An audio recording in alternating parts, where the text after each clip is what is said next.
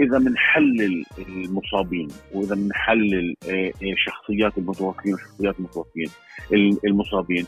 إحنا بنلاقي إنه يعني أكثر من 70 80% هن عمال فلسطينيين من الأراضي المحتله 67 عمال فلسطينيين من ال 48 اللي هن مواطنين إسرائيليين وعمال أجانب. يعني يعني كل يعني يعني عمليا الأغلبية الساحقة فوق 80% هن مش مواطنين يهود. الدولة بتتعامل حسب جنسية المصابين أو حسب جنسية السائقين أو حسب جنسية العمال مع الهدف بهمش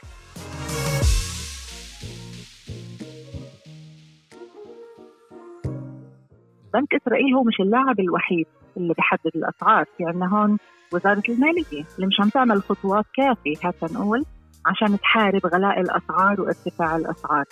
جزء منها هو خطوات داخلية وجزء منها تأثير بأشياء عالمية عم بتصير. يعني بهاي المرحلة إنه أنا حاليا عم بدفع ثمن الأغراض أكثر والقروض اللي أخذتها قبل عم بتكلفني أعلى والقرض الإسكاني اللي أخذته قبل برضه عم بكلفني أعلى.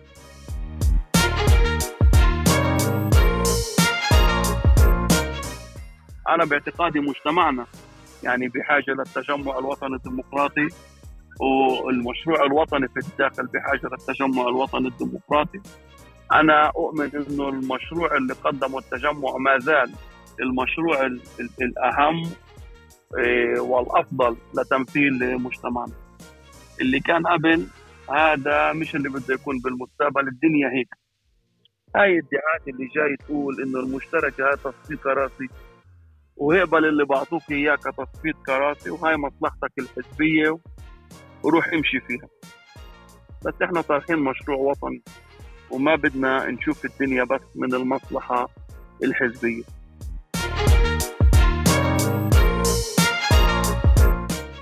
سلام معكم طارق طه وأمل عرابي في تقديم حلقة بودكاست الأسبوع في عرب 48 مرحبا يا أمل. يعطيك العافية. هذا الأسبوع راح يكون عندنا ثلاث محاور. الأول راح يكون عن الأمن والأمان في ورشات البناء ورشات العمل في البلاد.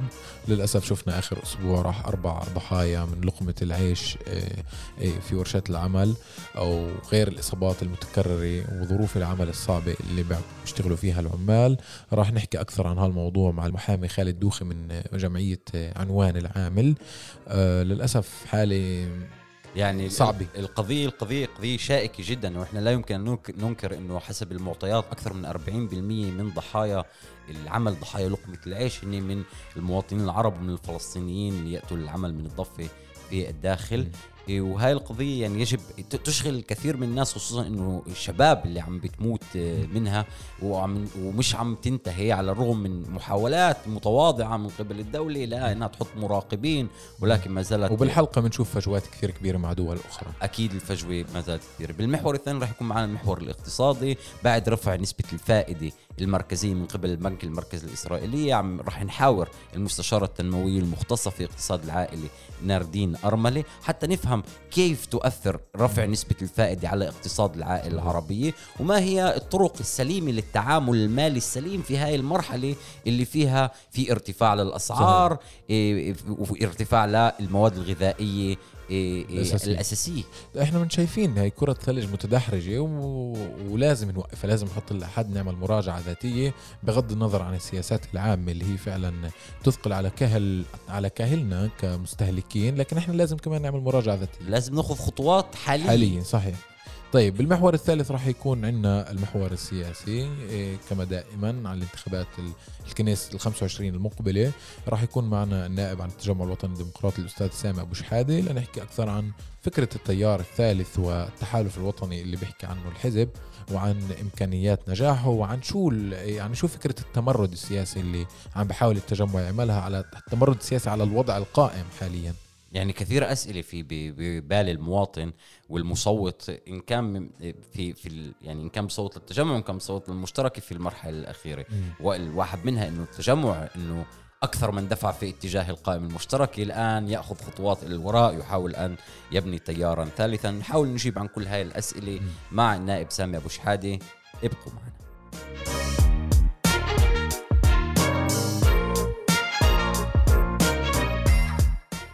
كلنا سمعنا آخر كم يوم عن حوادث العمل اللي راح فيها أربع ضحايا والإصابات متكررة دائما.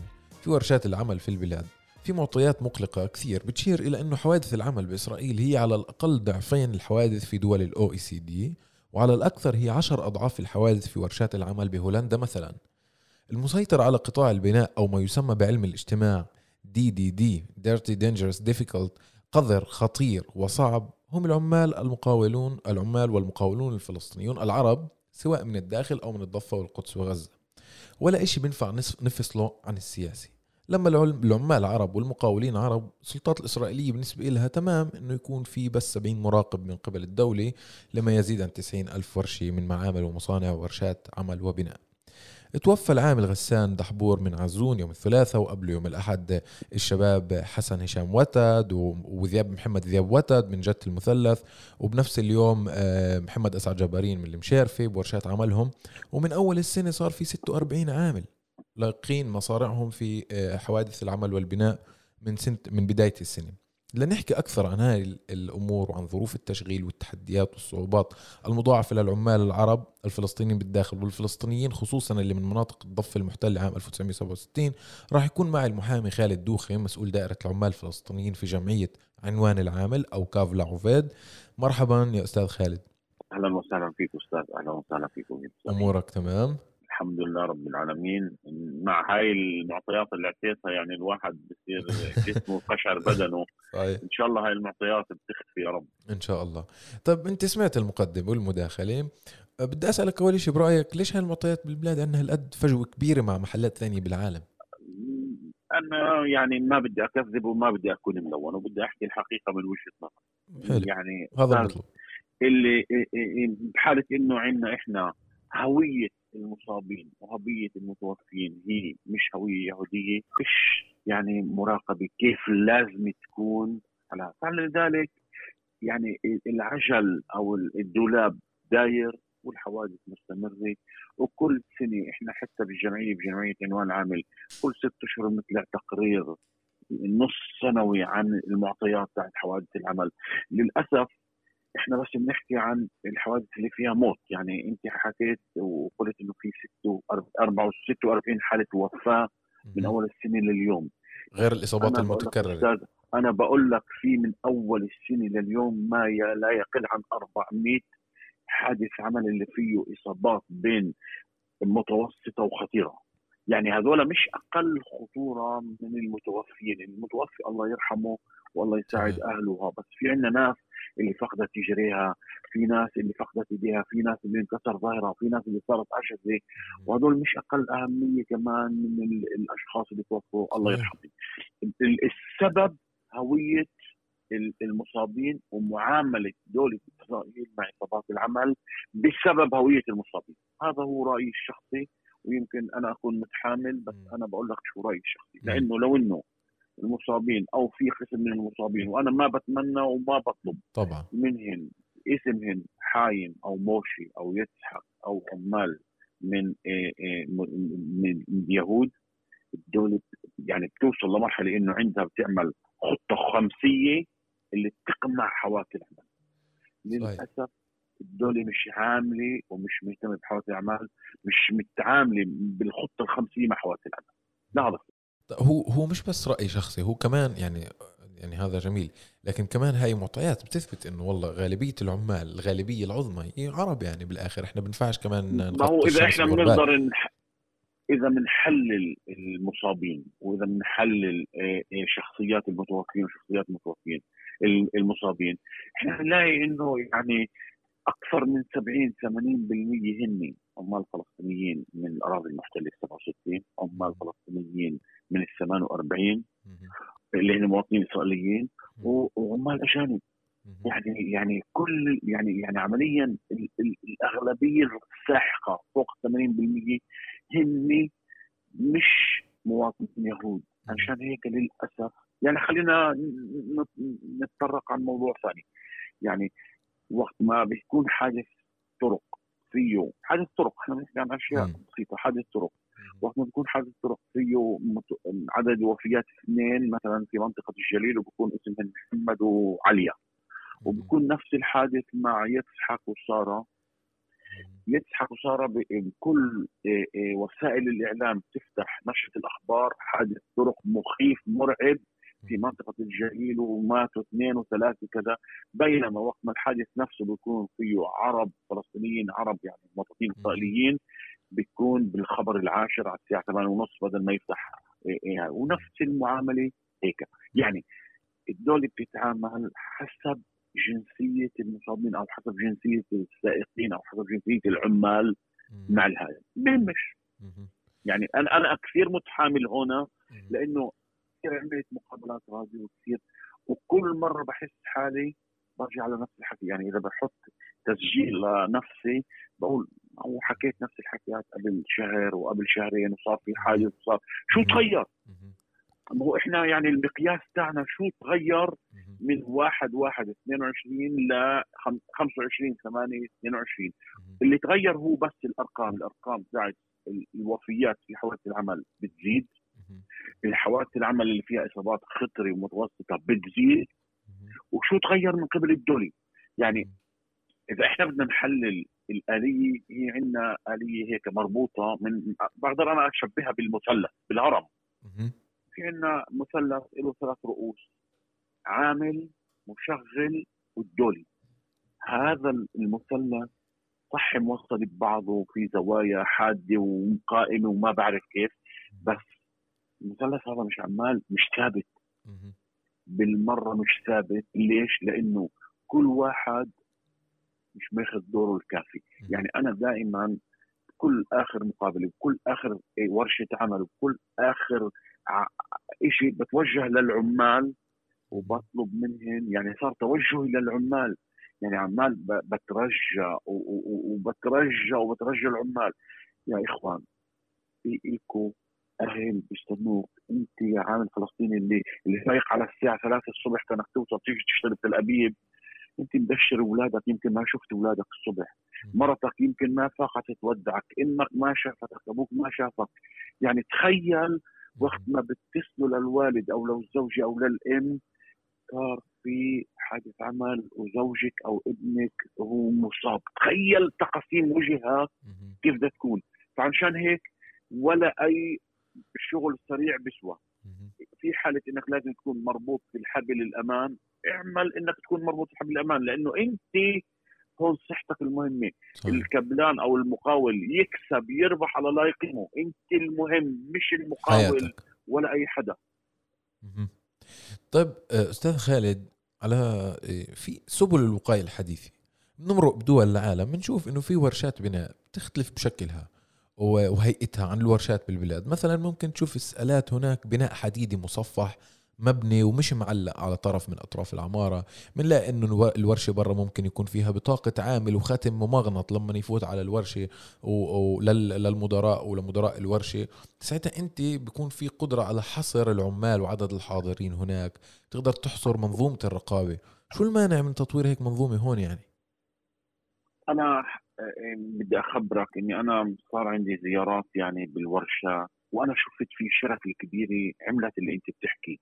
بس إحنا بعدنا بنشتغل أول شيء على النظام القديم من ناحية السقايل من ناحية هاي الأشياء بيشتغل على النظام القديم. طب في نظام عندنا قديم اللي هو يعني أكثر من 50% من حوادث العمل هي عن طريق السقوط من الارتفاع. طب طب ليش إحنا ما هو معروف السبب. ما هو المرض معروف. خلينا نعالجه نعرف شو علاجه. ليش؟ لأنه النظام الجديد للسقاي اللي هو النظام الأوروبي اللي متبع بكل أوروبا غالي شوي. طب مين يعني أغلى؟ ما هو بنرجع هون نعاود نرجع للشيء هوية المصابين. يعني يعني هوية المصابين أرخص من السقال يعني بهمش يعني إذا إذا السقاله بدها تكلف المقاول مليون شيكل طب يلا يموتوا اثنين. بهم استنوا. بتعرف كيف؟ بالآخر يعني أنا لأنه فيش مساءلة. بالآخر لأنه فيش بالآخر آه. الشيء راح يتغير؟ بس يعني يعني زي إسا إيه، إيه، إيه، عمالين بدهم يضربوا يفتحوا سنه الدراسيه ولا لا؟ طب ما هو بنقدر نعمل الاتفاقيه حتما نعملها بواحد تسعة وبعد ما كل هاي الورشة. طب هو نفس الشيء هنا يعني حتما يموتوا بالسنة 50 60 عامل 60 عائلة تتشد. حتما يعني في حاجة يكون ألف إصابة بالورشات العمل بالبناء عشان نوصل لنقطة إنه لازم نغير هاي الأشياء.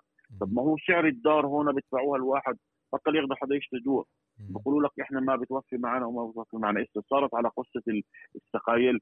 ما هذا اللي, اللي بتفرق. بعدين من ناحية ثانية وقت ما بصير حادث عمل بيجوا للمدير العمل بالورشة. مين مدير العمل؟ معظمهم عرب من 48 يعني فلسطينيين من 48 وهن اللي بقدموا ضدهم لائحة ابتداع وهن المتهمين.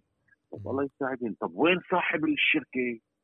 طب وين المستثمر المبادر. على الشركة؟ وين وين وين اللي بيربح المصاري؟ يعني صحيح. انت جايب هنا مدير عمل بالورشة وبتدفع له هال 15000 شيكل و20000 شيكل. هو بيجي يعني عمليا يعني المدير طلع عندك ورشة كبيرة جدا هو مسؤول من الألف للياء.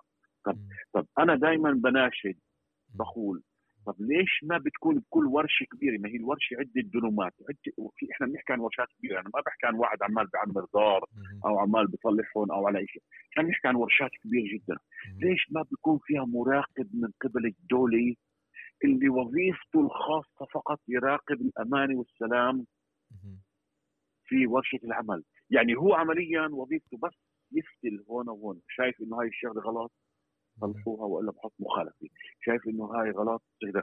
بعدين ليش كل الحوادث اللي بتصير أستاذ وكل الوفيات اللي بتصير ولا مرة بنسمع تذكرت ورشة العمل؟ يا أخي يا أخي في أراضي السلطة الفلسطينية أي حادث عمل بيصير فيه موت ورشة العمل بتتذكر لأسبوع بلا جدال يعني. خلص هيك القانون عندهم طب ليش إحنا ما هو إحنا إذا بصير وفيات بصير حوادث والدولاب داير ما حدا خسر. معناته خلص يلا بدل العامل في 20 عامل بداله فهمت علي كيف؟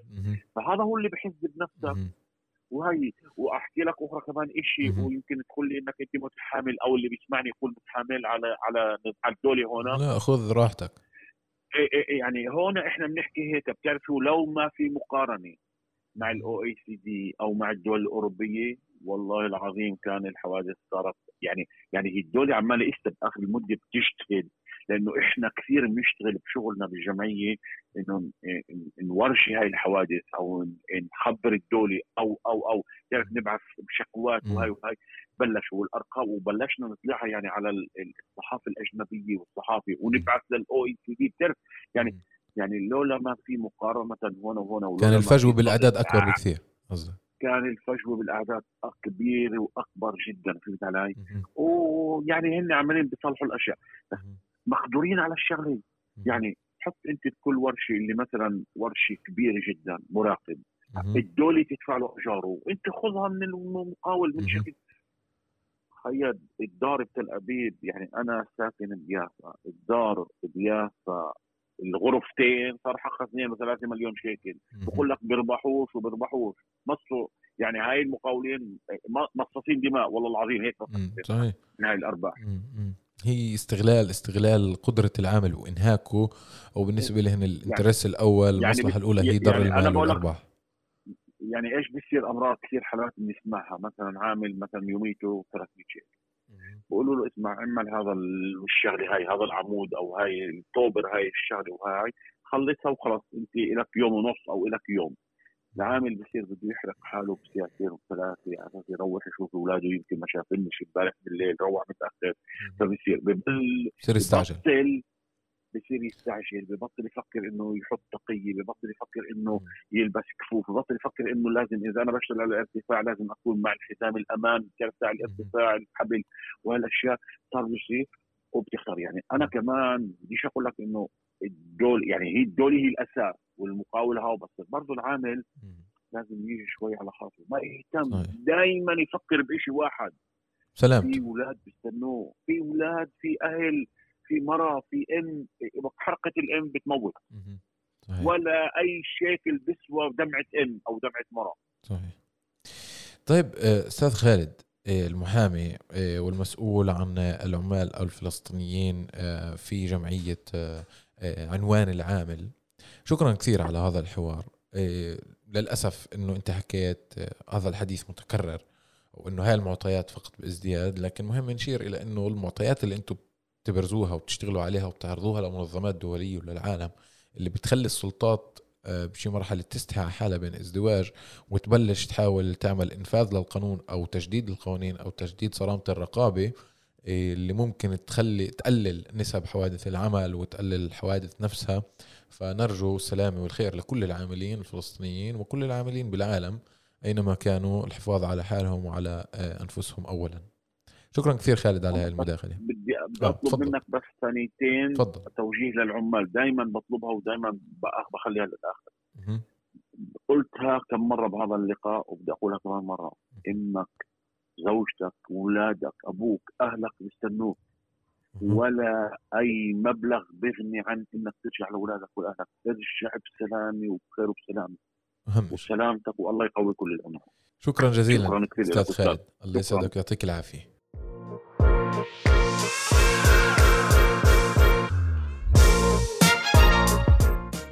رفع البنك المركزي الإسرائيلي أسعار الفائدة بمقدار 75 نقطة أساس لتصل إلى 2% وذلك في محاولة للجم معدلات التضخم اللي تسجل وتسجل مستويات مرتفعة وصلت إلى 5.2% لنحكي أكثر كيف هذا الحكي بيأثر علينا كمستهلكين أو كناس اللي هي مش بمحل تأخذ قرارات اقتصادية وخصوصا اقتصادية. لما إحنا على هامش هامش الاقتصاد راح تكون معنا ناردين أرملة المستشارة التنموية والمختصة في الاقتصاد العائلي. مرحبا يا ناردين. مرحبا مرحبا. طيب آه، أنا حدا ما بيعرف اقتصاد بدي أسمع منك شو يعني رفع نسبة الفائدة؟ وأصلا شو يعني نسبة الفائدة؟ مهم. أول شيء تعال نعرف شو اللي ارتفع. اللي ارتفع هو الفائدة المركزية الأساسية آه، للبنوك في البلاد. على هاي الفائدة بتتمركز كثير أمور آه، كثير قروض كثير استثمارات. أساسها بيكون الفائدة الأساسية. فائدة ال prime هي الفائدة الأساسية زائد واحد ونص بالمية. كثير. بنسمع آه، مصطلح آه، آه، قرض اللي هو بمسار ال prime أو قرض إسكاني اللي جزء منه على أساس ال prime فارتفاع الفائدة معناها ارتفاع فائدة ال prime واللي وصلت ل 3.5% عم نحكي عن ارتفاع كثير كبير من بداية السنة لإسا. سبب الارتفاع هو إنه البنك المركزي في البلاد عم بحاول يحارب غلاء المعيشة وارتفاع الأسعار. والأداة اللي موجودة قدامه هو رفع الفائدة. رفع الفائدة المفروض تكون رادع لإلنا خلينا نفكر مرتين قبل ما آه، نشتري قرض أنا بدي أسميها آه، أو نستهلك كثير لأنه القروض أو الدين عندنا عم بكلفنا أكثر. يعني اللي بفهمه من حديثك إنه رفع نسبة الفائدة هي واحدة من الأدوات المركزية لخفض آه، ارتفاع الأسعار. ولا لجم مهم. عملية التضخم. ولكن آه، آه، ما مع ذلك عم نشوف إنه ما زالت الأسعار في ارتفاع يعني مستمر مع إنه هاي المرة الثانية اللي يتم فيها رفع نسبة الفائدة خصوصا أسعار. السكن والشقة السكنية في ارتفاع بأسعار المواد الغذائية إيه، الأساسية. ومعناه يعني المواطن بيسأل نفسه الآن هل هاي العملية وهل هاي الخطوة راح تساهم في ارتفاع الأسعار؟ وليش ما يعني في تساهم خفض. في خفض الأسعار؟ وليش لليوم بعدنا ما شفنا انخفاض؟ أول شيء إحنا عم نحكي شغلاتك بطريقة كتير مبسطة. فعليا هي إشي جدا صعب. يعني أكيد. رفع إحنا بنحاول نوصل للمستمع يعني آه آه طبعا. للمستمع أكيد. أكيد أكيد أكيد. وأنا اللي بدي أحكيه كمان جدا مبسط. إنه رفع الفائدة بيقول إنه كل قرض بيكون عندي أغلى فأنا لازم أفكر وأسأل إذا التكلفة تبعت القرض رح تكلفني أكثر فمعناه أنا يمكن لازم أستنى وما أستهلكش. إيه لما بخف الاستهلاك وبخف الطلب على عدة أغراض سعرها بقل. هاي بشكل عام هيك بشكل جدا جدا مبسط. إنه لما بخف الطلب على أغراض معينة هسه نأخذ سعر مثلا إذا بخف آه، شراء آه، لفة الشاورما أو بخف شراء سيارات جديدة سعرها من المفروض إنه يوصل. تأثير هاي العملية بدها وقت كثير بدها وقت. يعني هذا مش إشي اللي بصير بيوم وليلة. والمراحل هاي عم نشوفها إحنا عم بتصير مش بس عندنا في البلاد كمان في دول ثانية في العالم. فهي بدها وقت. بالنسبة لأسعار البيوت المشكلة غادي مشكلة ثانية مشكلة مختلفة شوي. مشكلة معقدة أكثر من هيك. ليش معقدة أكثر لأنه أساس الموضوع هناك هو العرض والطلب وعندنا عرض عندنا مشكلة في العرض إنه عدد ال- الأراضي اللي معروضة لل- للعمار اللي مفتوحة للعمار وأراضي واسف البيوت اللي معروضة للبيع عددها جدا قليل. والطلب بكثير من عليها الطلب. كثير كبير. بالضبط والطلب عليها عم بيزيد كمان كل الوقت فهذا بيقول إنه سعرها بعده عم بيرتفع. إيه، فمشكلة الأراضي والبيوت هناك لازم يكون في شغل من وزارة المالية من الدولة بشكل عام إيه، فتح المجال لكثير أراضي أكثر هيك وإنها تكون موجودة بالسوق وزياده العرض باختصار. بنك إسرائيل هو مش اللاعب الوحيد اللي بحدد الأسعار في عندنا هون وزارة المالية اللي مش عم تعمل خطوات كافية هات نقول عشان تحارب غلاء الأسعار وارتفاع الأسعار. جزء منها هو خطوات داخلية وجزء منها تأثير بأشياء عالمية عم بتصير يعني ارتفاع سعر النفط وانخفاضه هو مش شغلة بس داخلية إنما بتتأثر بكثير أمور صحيح عالمية والحرب الأوكرانية أكيد لها تأثير على بالضبط سلسلة بالضبط. توريد الغذاء وعلى سلسلة توريد الحبوب بس إيش عم بيصير معنا إحنا اسا بهاي المرحله إنه أنا حاليا عم بدفع ثمن الأغراض أكثر والقروض اللي أخذتها قبل عم بتكلفني أعلى والقرض الإسكاني اللي أخذته قبل برضه عم بكلفني أعلى فإحنا بشكل مؤقت رح نشعر اسا إنه كمان الأغراض مثلا الغذاء أو الأشياء الأساسية اللي عم نستهلكها سعرها ارتفع وكمان القروض الاستهلاكية والإسكانية اللي أخذتها سابقا عم برجع فيها دفعات أعلى. فعمليا إحنا رح نشعر بارتفاع بالدفعات اللي موجودة عندنا اليوم. طيب ناردين هيك مفهوم جدا يعني اللي فسرتيه.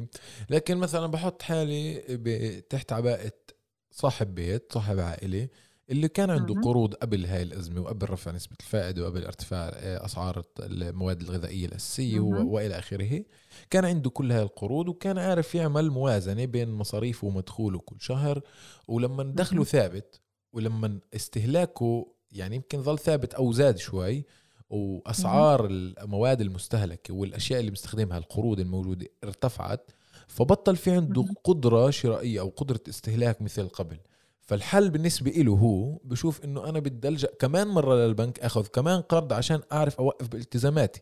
فهي وكأنه آه، عجلة دايرة حوالي نفسها ومش عمالة. تنتهي. لوب. أنت آه. بتدخل بلوب. قرض فهي عجلة مش قابلة تنتهي فهو بزيد توريطه مع الالتزامات وبحل أزمة دا- يعني فردية أزمته الفردية بحلها بشكل مؤقت لكن ما بيعرف ينهي الأزمة من أساسها. شو يعمل المواطن العادي يعني عشان عشان يعرف يتصرف صح؟ أول إشي طابة الثلج هاي اللي عم تتدحرج هيك وعم تكبر والأزمة اللي عم تتعمق لح- لحظة شوي لازم نوقفها. ونسأل حالنا أسئلة اللي يمكن ما سألناهاش قبل اليوم. وأمسك عدسة مكبرة إيه، جدا مهمة أفحص شو المدخول الحقيقي اللي موجود عندي؟ شو الالتزامات الشهرية اللي موجودة عندي؟ شو القروض اللي أنا برجعها؟ شو الاحتياجات الأساسية للعائلة للبيت أو للفرد؟ اللي عن جد إحنا ملتزمين إنه ندفعها وشو الأشياء اللي إحنا بنحبها وهي جزء من أساسي هيك من حياتنا من المتع ومن الشغلات اللي إحنا بنحب آه إنه نستهلكها. بس للحظه شوي بقدر أقول إنه أنا ممكن أبحث كيف أخفف الوتيرة باستهلاك هاي الأغراض. قبل ما أتوجه لأي بنك عشان أكبر أي قرض لازم أبحث عن جد شو عم بيصير معي ليش احتياجاتي لقروض زيادة كل الوقت مستمرة. أنا عم عمليا عم بفوت في أزمة مالية أكبر بكثير من إيش أنا كنت قبل. وهذا الفحص هذا هو اللي مطلوب مننا اسا يعني هذا البنك المركزي لما بيرفع الفائدة وبقولنا اسمعوا كل قرض عم بكلفكم زيادة هو مبدئيا عشان يردعنا. عم بحاول ي... يعني عم بحاول يأدبنا استهلاكيا هات نسميها هيك. يربينا استهلاكيا يقولنا لحظة شوي هل كل اللي عم تشتروه ضروري؟ يعني أعطيك أمل آه، هيك آه، مثال. إنه كثير عائلات سافرت في العطله الصيفيه صحيح. وكلفها المشوار لخارج البلاد 25 30 ألف شيكل مهم. إذا بتقول للعائلات تعال نوفر 3000 شيكل بالشهر لمدة 10 أشهر عشان تقدروا تسافروا السنة الجاي بيقولوا لك كيف بقدرش أوفر 3000 شيكل بالشهر عشان أسافر السنة الجاي معيش إياهن بس من ناحية تانية لما باجي بشتري تيكت السيارة وبسافر بهاي الرزمة بهاي الحملة بهذا الدفع فأنا عمليا عم بحط على حالي عبء اقتصادي بقيمة 30 ألف لسنة لقدام وعم بكلفني أكثر بما إنه أنا عم بقسطه بقسطات لقدام غير هيك أنا بكون مكشوفة اقتصاديا وبمحل هالقد حساس اللي كل شغلة صغيرة في البيت كل مفاجأة صغيرة بتسبب لأزمة مالية كتير كبيرة لأن أنا مستغلة كل الأطر اللي موجودة قدامي للآخر. رح نضل بقصة المواطن المواطن البسيط اللي عنده دخل. دخل محدود وبهذا. الموضوع في الفترة السابقة قبل إيه، حدوث الأزمة كمان الأزمة الأوكرانية وكمان ارتفاع نسبة التضخم كان ما يسمى هناك إيه، المصاري رخيصة مصاري رخيصة أنت. بتقدر تأخذ قروض نسبة صح. الفائدة صفر إيه، إيه، كان في تشجيع للاستهلاك كثير من الناس راحت جابت سيارات جديدة ناس سافرت ناس. ارتفع. نسبة الاستهلاك كنت تتحدثي إنه العملية تأثير إيه، رفع نسبة الفائدة راح يكون تدريجي ولكن. وإسا, وإسا أنا باجي على على السؤال تبع المواطن اللي أخذ بالفترة ال- ال- السابقة إيه، قروضات واستغل الفرصة إنه في يعني تشيب ماني اللي هي مصاري ر- مهم. إيه، رخيصة. اليوم كيف هذا الإشي كيف إيه، ارتفاع نسبة الفائدة راح يأثر عليه بشكل مباشر؟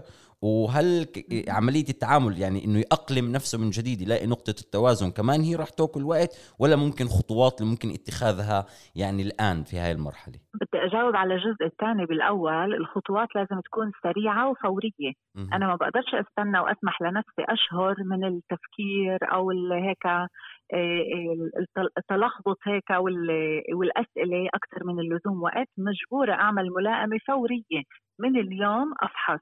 لأن القروض الإسكانية أو القروض اللي هي بفائدة متغيرة ارتفعت بمئات الشواقل. بمئات الشواقل طبعا بتعلق بالمبلغ والفترة وأي أي شروط موجودة عندي. بس عم نحكي عن مئات الشواقل. العائلات اللي من أصله هي في وضع آه، متأزم اقتصاديا. ومش بس العائلات اللي مدخولها آه، محدود إنما العائلات كمان اللي مدخولها متوسط لأن المفروض بالدولة يكون وضعها تمام كمان الدخل المتوسط فوق شوي وأقل شوي كمان عم بيعانوا من مشكلة التوازن المالي لأنه عن جد في ارتفاع في الأسعار وإسا الوقت الحالي اليوم لفحص ومراقبة المصروفات وزيادة المدخول. ممكن يكون المصروفات عندي عن جد متوازنة واللي مطلوب مني إسا هو إنه أنا أرفع مدخولي.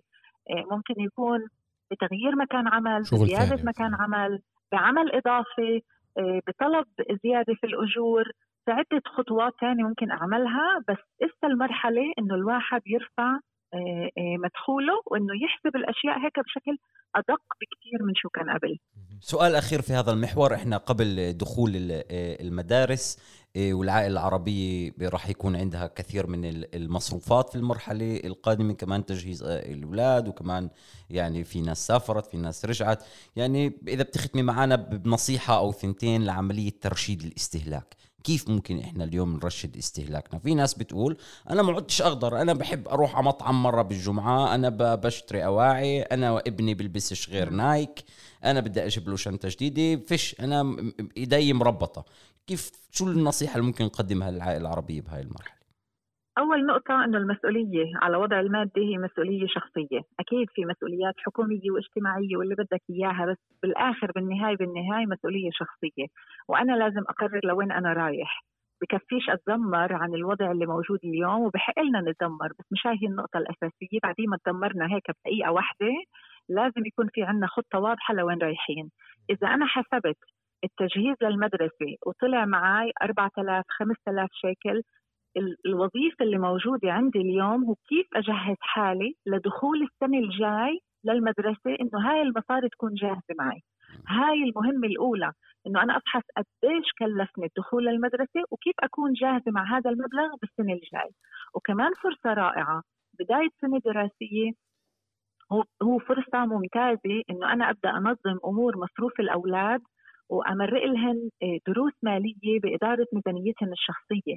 فهاي الفرصة إذا عندي ولد أو بنت اللي هن في جيل الابتدائي الكبير أو الإعدادي أو الثانوي أبدأ معاهن بمصروف أسبوعي بمصروف يومي إذا كانوا بجيل أصغر بالثانوية بمصروف شهري أحدد لهم مبلغ.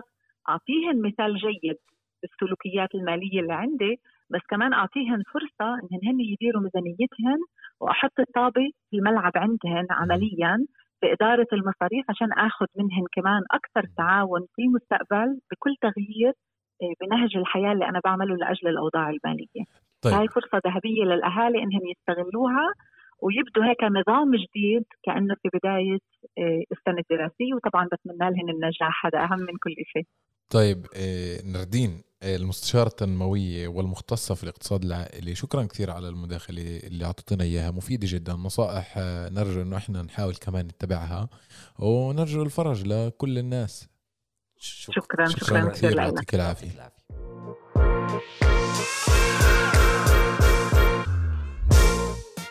طرح حزب التجمع الوطني الديمقراطي فكرة بناء ما أسماه التيار الثالث. في فترة قبل شوي من خوض انتخابات الكنيسة الإسرائيلية ال 25 اليوم راح يكون معي النائب رئيس قائمة التجمع سامي أبو شحادي عشان نتناقش معه بشو قصدهم بالتيار الثالث ومن وين جاي فكرة التمرد على الحالة السياسية القائمة ولوين رايحة. صباح الخير أستاذ سامي. صباح الخير أستاذ سامي. صباح الخير. صباح الخير طارق وامال يعطيكم ألف عافية. أستاذ سامي أنا بدي أبلش معك. بسؤال يعني الكثير سمعته على الشاب بالشارع بالأيام الأخيرة. كثير ناس عم بتقول لحالها إنه التجمع كان أول من دفع في اتجاه تأسيس القائمة المشتركة وخلال الفترة القائمة الماضية كلياتها كان التجمع أيضا مستعد إلى تقديم تنازلات من أجل بناء هذا المشروع السياسي. ولكن اليوم في ظل الحالة السياسية اللي إحنا يعني عارفينها في ظل إيه إيه يعني انخفاض نسب التصويت المتوقعة وفي ظل حالة الركود السياسي اليوم التجمع هو مبين إنه هو اللي عم بفشل قيام القائمة المشتركة من من أول وجديد. فإيش هذا التغير اللي صار ما بين أكثر من دفع في اتجاه القائمة المشتركة واليوم عم بحاول الطريق معرقلة امام قيام القائمة المشتركة من من أول وجديد؟ شوف أخي أمل التجمع لما يعني دفع كل الاثمان اللي دفعها من أجل إقامة القائمه المشتركه كان في عنده تصور معين للقائمه المشتركه إحنا ولا مرة تعاملنا مع هذا المشروع على أساس إنه تصفيت كراسي أو زيادة عدد أعضاء الكنيسة. ولا مرة كان هذا التصور الاستراتيجي عندنا بالتجمع لشو هي القائمة المشتركة وشو هو دورها للقائمة المشتركة إحنا لما وقعنا مع الشركاء على برنامج سياسي للقائمة المشتركة كان هذا جزء من رؤيتنا لتنظيم الأقلية الفلسطينية في الداخل على أساس قومي وعلى أساس أنها موحدة تحت سقف سياسي معين. ولكن أنت شفت النتائج كل الناس شافت النتائج إنه هذا المشروع ما ما صار. يعني إحنا التصور تبعنا إنه في فكرة ممتازة اسمها القائمة المشتركة وتجمع وضع لها برنامج سياسي. هذا عظيم. ولكن في التنفيذ كان بعيد جدا عن الفكرة وكان بعيد جدا عن يعني إيش إحنا كنا إيه بدنا من القائمه المشتركه طب صار في أخطاء كثيرة جدا. والمشتركة بعدت بشكل كبير جدا عن المشروع السياسي اللي وضع لهي القائمة. وصار في أخطاء. وهذا جاب غضب جماهيري وجاب يأس وإحباط. مش المنطق السليم لما الناس عم بتقول لنا 60% ما بدهم يصوتوا. والمشتركة لم تعد عنوان للأغلبية من أبناء شعبنا إنه حان الوقت للمراجعة تبعت التجربة. طب كل اللي عم بيطلب التجمع الوطني الديمقراطي تعال نشوف وين غلطنا. خلينا نصلح هذا مش شيء كثير يعني. أنا أنا متفاجئ إنه في نقاش في الموضوع. يعني أنا متفاجئ ليش لم يت يعني يتبنى الشركاء مباشرة ما يطرحوا التجمع. بالعكس هي مصلحة وطنية من الدرجة الأولى.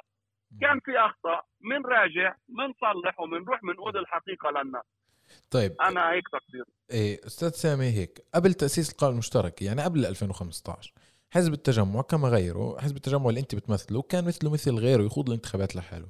آخر انتخابات خاضها لوحده كانت بال 2013 من سنة ال 96 لل 2013 في حركة 18 19 سنة الحزب كان بعمر فتي حزب شاب. وعلى الرغم من فتوته حظي بتأييد لا يقل عن أحزاب مسنة وعمرها لا يقل عن 70 80 سنة في هذيك المرحلة. شو اللي كان يميز مشروعكم السياسي والطرح اللي كنتوا تطرحوه لأنه قدر يحظى بحاضنه شعبية بمرحلة ما قبل القائمة المشتركة؟ قراءة التجمع الوطني الديمقراطي للخارطة السياسية في إسرائيل كانت الأقرب إلى الحقيقة وإلى الواقع وهذا ما يعني كان يزيد من حضور التجمع ومن قوته بشكل دائم على مدار فترة طويلة جدا وأنا باعتقادي اللي جاب تراجع في التجمع الوطني الديمقراطي هو الابتعاد عن خط واضح إيه، اللي كان من خلاله يخوض الانتخابات والتسويات الكثيرة اللي كان مستعد يعملها تجمع من أجل الحفاظ على القائمة المشتركة وحماية هاي الفكرة اللي هو كان يعني قادها من الأول. أنا باعتقادي حان الوقت للعوده إلى الثوابت وللمبادئ وللاصل ولطرح الموضوع بشكل يعني واضح أمام الجمهور. أنا باعتقادي مجتمعنا يعني بحاجة للتجمع الوطني الديمقراطي والمشروع الوطني في الداخل بحاجة للتجمع الوطني الديمقراطي أنا أؤمن إنه المشروع اللي قدمه التجمع ما زال المشروع الأهم والأفضل لتمثيل مجتمعنا ولكن في هون بيجي بيجي السؤال. الوضع اللي كان موجود لما قبل القائمة المشتركة والحاضنة الشعبية اللي كانت موجودة حول التجمع في اليوم شكوك حول قدرة التجمع على خوض الانتخابات بشكل إيه، لوحده أنا بدي أتخطى هذا السؤال وأروح على سؤال آخر. انت اليوم بتنادي في نقاش سياسي وبقراءة رجع بأثر رجعي لتجربة المشتركة. ولكن هل التوقيت الآن قبل فترة الانتخابات هو توقيت مناسب؟ وهل الآن هي الفرصة لبناء تيار ثالث الذي تتحدث عنه؟ شو يجعل هاي الفرصة هي فعلا فرصة تسمح لبناء تيار ثالث للنقاش السياسي؟ شوف يا أخي أمل اولا إنك لا تعبر النهر مرتين. اللي كان قبل هذا مش اللي بده يكون بالمستقبل الدنيا هيك. اولا فيما يتعلق في آه، كل الادعاءات اللي من هذا النوع. هاي الادعاءات اللي جاي تقول إنه المشتركه هاي تصفية كراسي وهقبل اللي بعطوك اياه كتصفية كراسي وهاي مصلحتك الحزبية وروح امشي فيها. بس إحنا طارحين مشروع وطني وما بدنا نشوف الدنيا بس من المصلحة الحزبية. وإحنا بدنا نعيد الأمل في الخطاب الوطني وفي القراءة الوطنية والديمقراطية للخارطة السياسية بإسرائيل. هذا مشروعنا هذا دورنا التاريخي كتجمع. هلأ فيما يتعلق بالنسبة ل بيجتاز نسبة حسم ما بيجتاز نسبة حسم آه، أنا تقديري إنه الناس آه، أو الحركة الوطنية في الداخل هي مش حركة يتيمة. مضبوط ممكن تعبت ممكن كان في تراجع ممكن كان في غضب من قياداتها وكوادرها التاريخية بسبب الابتعاد عن المشروع اللي هم كانوا حاملينه. صحيح. ولكن أنا باعتقادي هاي الناس ما اختفت. الناس موجودة. وإذا تم الطرح بشكل جدي وواضح لهم أنا باعتقادي سيكون دعم كبير جدا لتيار التجمع الوطني الديمقراطي. ما في مجال لفهم أحداث أيار 2021 بدون إنه الواحد يكون فاهم إنه شعبنا يعني بالفطرة بأغلبيته يميل إلى التيار الوطني. وبده كرامة وطنية وبده مشروع وطني وبده عودة الخطاب السياسي إلى ما هو أبعد من الإنجازات والأرقام والميزانيات. أنا باعتقادي في عندنا جزء بالمجتمع اللي بده هذا الموضوع وهذا الجزء قادر على إنه التيار التحالف اللي بنحكي فيه يكون قادر على اجتياز نسبة الحمل طيب إيه، أستاذ سامي هيك اجت القائمه المشتركه 2015 اعتبرها الحزب مثل ما حكينا رؤية جزء من رؤيته الاستراتيجية لتنظيم المجتمع الفلسطيني بالداخل سياسيا. صار اللي صار سبع سنوات تقطعت السبل تمت من جديد. الناس بالبداية لما شافت كان في صراعات بالأول اعتبرتها صراعات على مقاعد. اليوم بال 2022 زي ما إحنا شايفين والكل شايف إنه في مشروع يعني في طرح إنه لا يا عمي هالمرة النقاش هو مش تقني. والنقاش مش شكلي ومش تصفية كراسي. هالمرة في نقاش سياسي في مراجعة سياسية على نهج سياسي. وانتوا اليوم بالتجمع آه بعد ما أطلعتوا نقاط واضحة لشو يعني التركيب القائمة المشتركة من جديد على أي أسس وأي ثوابت آه بتطلع شرك بيطلع حدا من شركائكم اللي هو الجبهة مثلا ببيان اللي بنقدر نعتبر إنه بخلي باب مفتوح للعودة إلى نفس الأخطاء. يعني المؤمن آه، ليس مؤمنا إذا لدغ من الجحر مرتين.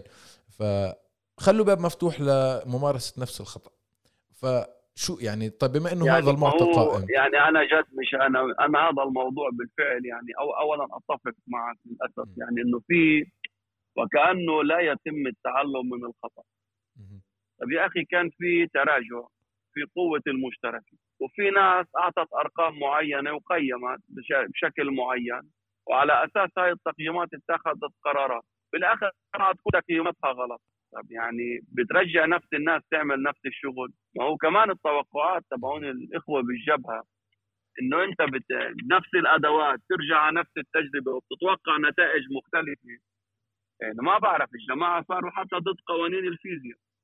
يا أخي إيه مش بس هيك. يعني اولا بدك تراجع وتقيم ويكون المراجعة مراجعة حقيقية. ويكون في تقييم واضح وحقيقي. بعدين بدك تحط برنامج لقدام ترجع من خلاله للناس. ليش انت رايح تطلب ثقة الناس. على انه أساس. شو هو برنامجك السياسي. إحنا بالاول وبالاخر أخي إحنا احزاب سياسية. طب إذا إحنا مش متفقين على البرنامج السياسي على إيش متفقين؟ طب إذا تم ال- ال- ال- المشروع هذا انحدر لوضع إنه هو ضمان مقاعد في الكنيسة. يبقى أخي ساعتها أفضل كل واحد يشوف شو الطريقة الأفضل لضمان لضمان مقعده. صحيح. اذا إذا الموضوع بده ينزل من مشروع سياسي جدي حقيقي لتنظيم مجتمعنا وإعادة بناء الحركة الوطنية وإلى آخره بالرؤية الواسعة تبعه وبده يتقلص لشيء صغير جدا اللي هو ترتيب مقاعد فساعتها خلاص كل واحد يعمل اعتباراته. طيب أستاذنا آه، أبو الناجي آه، أستاذ سامي أبو شحاده بس قبل ما ننهي هيك بسؤال أخير يعني تقنيا وعمليا وميدانيا أين يقف هذا الطرح اليوم؟ التيار الثالث بناء التحالف الوطني وين واقف اليوم؟ إحنا تقدم إحنا تقدمنا بمفاوضات مع عدة شخصيات مستقلة ولكنها قريبة من العمل والرؤية الوطنية. إذا مستعده كمان تأخذ دور في إنجاح هاي الفكرة. وطرحنا النقاط السياسية كمان على إيه، الجبهة وعلى التغيير. وننت... يعني ننتظر أجوبة رسمية من من من الجميع. في الأسبوع القادم سيكون هناك يعني حاجة لاتخاذ قرارات مصيرية بالنسبة لهذا الموضوع. أنا بتقديري إيه، فتح التيار الثالث مفيد انتخابيا للجميع للجميع وباعتقادي يعيد كمان للمشروع الوطني دوره في تنظيم الأقلية الفلسطينية في الداخل. وأنا بفكر إنه من النصف مليون اللي بيقولوا إنهم ما بدهم يشاركوا بالانتخابات أكيد في جزء لا يستهان به. رايح يشوف إنه هذا الخيار بيمثله ويدعمه. شكرا لك أستاذ سامي أبو شحادة على هاي ال- الإضافة. وطبعا إحنا رح نضل نتابع الساحة السياسية عن كثب. نتأمل النجاح للتجمع الوطني الديمقراطي وللقائمه المشتركه إيه، ونلتقي قريبا إن شاء الله. يعطيك العافية أستاذ شكرا سامي لكم. يعطيكم العافية يا شباب. طيب هيك بنكون وصلنا لنهاية حلقتنا من بودكاست الأسبوع في عرب 48 انتظرونا حلقة جديدة صباح كل يوم جمعة. لا تنسوا متابعتنا على جميع تطبيقات البودكاست حتى تكونوا أول من يعلم. وحتى الحلقة القادمة. لعله خير.